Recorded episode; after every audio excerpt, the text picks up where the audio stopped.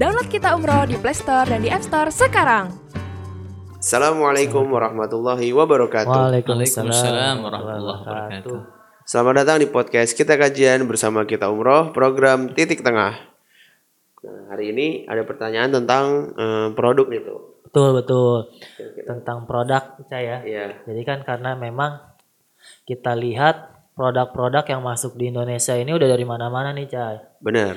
Bahkan bukan di Indonesia aja sih sebenarnya ya, di eh, dunia pun ya produk-produk udah ber- berbagai macam lah ya. Hmm. Cuman ini pertanyaan kali ini akan lebih spesifik sih sepertinya, Cai. Iya, gimana tuh pertanyaan itu? Ya, sekarang masih sama Ustadz siapa Cai? Masih sama Ustadz Irwan. Oh, masih sama Ustadz Irwan Wahyudi, Cai. Iya, benar. Ustad, eh, jadi gini Ustad, Bismillahirrahmanirrahim. Eh, ada pertanyaan Ustad.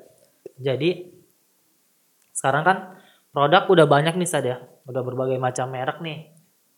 Jenisnya pun satu merek dengan merek yang lainnya itu eh, tidak berbeda jauh gitu ya.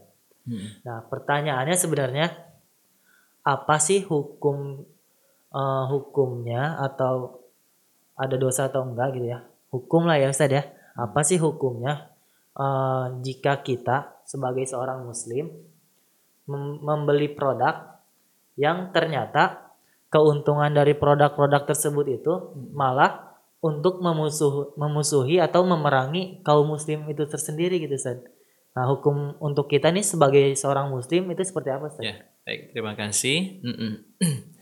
Nah, jual beli, kegiatan jual beli dalam ajaran Islam ini masuk dalam aspek muamalah ya. Dalam aspek muamalah itu ada kaidah di awalnya yaitu al eh, bahwa se- sesuatu itu eh, dihukumi boleh sampai ada dalil yang Mengharam. mengharamkannya. Termasuk dalam aspek jual beli. Kita boleh untuk melakukan jual beli sampai ada sesuatu yang mengharamkan kegiatan jual beli tersebut. Contohnya di dalamnya ada praktik riba misalkan. Nah dalam kegiatan jual beli kalau kita lihat Rasulullah SAW juga pernah melakukan ya, jual beli pada masanya ya di mana kan Rasulullah SAW pernah bermuamalah dengan orang-orang non Islam dengan orang-orang ya Yahudi. Iya. Bahkan disebutkan Rasulullah SAW memberikan upah kepada orang kafir ketika dia menjadi penunjuk jalan bagi Rasulullah SAW dan juga bagi Abu Abu Bakar saat itu. Bahkan disebutkan ya ada di antara keluarga Rasulullah SAW yang menggadaikan ya, barangnya untuk kemudian di nih, digadaikan dengan gandum. Jadi untuk jual beli ini diperbolehkan. Dan interaksi muamalah seperti ini di, diperbolehkan dengan orang-orang non muslim. Nah, namun yang harus kita pahami di sini jika ada hal-hal yang mengharamkan dari jual beli tersebut, ini yang tidak diperbolehkan jika ada aspek riba di dalamnya, tipu tipuan, ya, ada unsur goror dan seterusnya yang membuat jual beli itu menjadi Haram. menjadi haram. Adapun eh, ya barang-barang produk-produk yang dikeluarkan oleh negara-negara non-muslim ya selama ya barang tersebut dipastikan kehalalannya itu itu boleh. Barang tersebut tidak boleh dikonsumsi misalkan jika terbuat dari zat yang Berbahaya. zat yang haram. Haram. mengandung contohnya misalkan mengandung unsur unsur babi. Nah, dan seterusnya. Nah ini yang tidak di, diperbolehkan. Nah, misalkan dari Amerika dari negara-negara non Muslim itu boleh. Termasuk ayam goreng KFC CFC hukum asalnya itu kan boleh. Boleh. Karena Rasulullah SAW pernah berinteraksi dengan orang-orang non Islam pada masanya.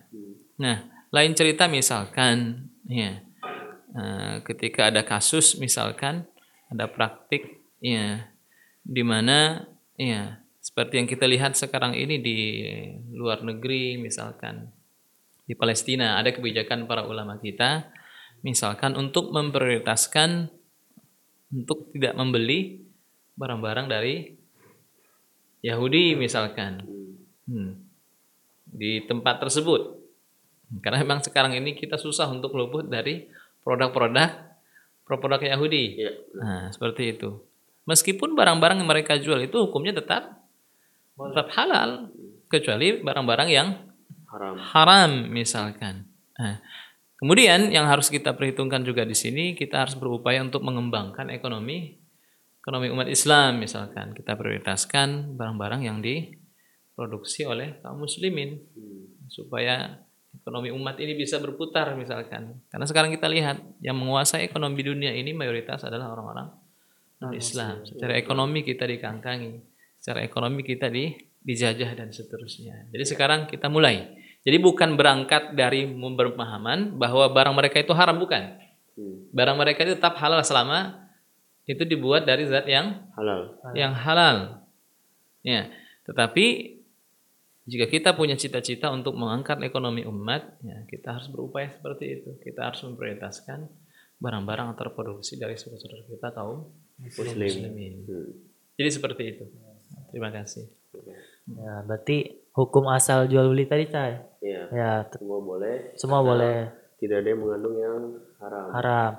Namun, alangkah lebih baiknya kita memprioritaskan dulu nih produk-produk yang memang untuk kebangkitan umat, Cai. Iya, benar. Nah, daripada yang untuk malah malah membuat umat Islam melemah gitu, Cai. Benar.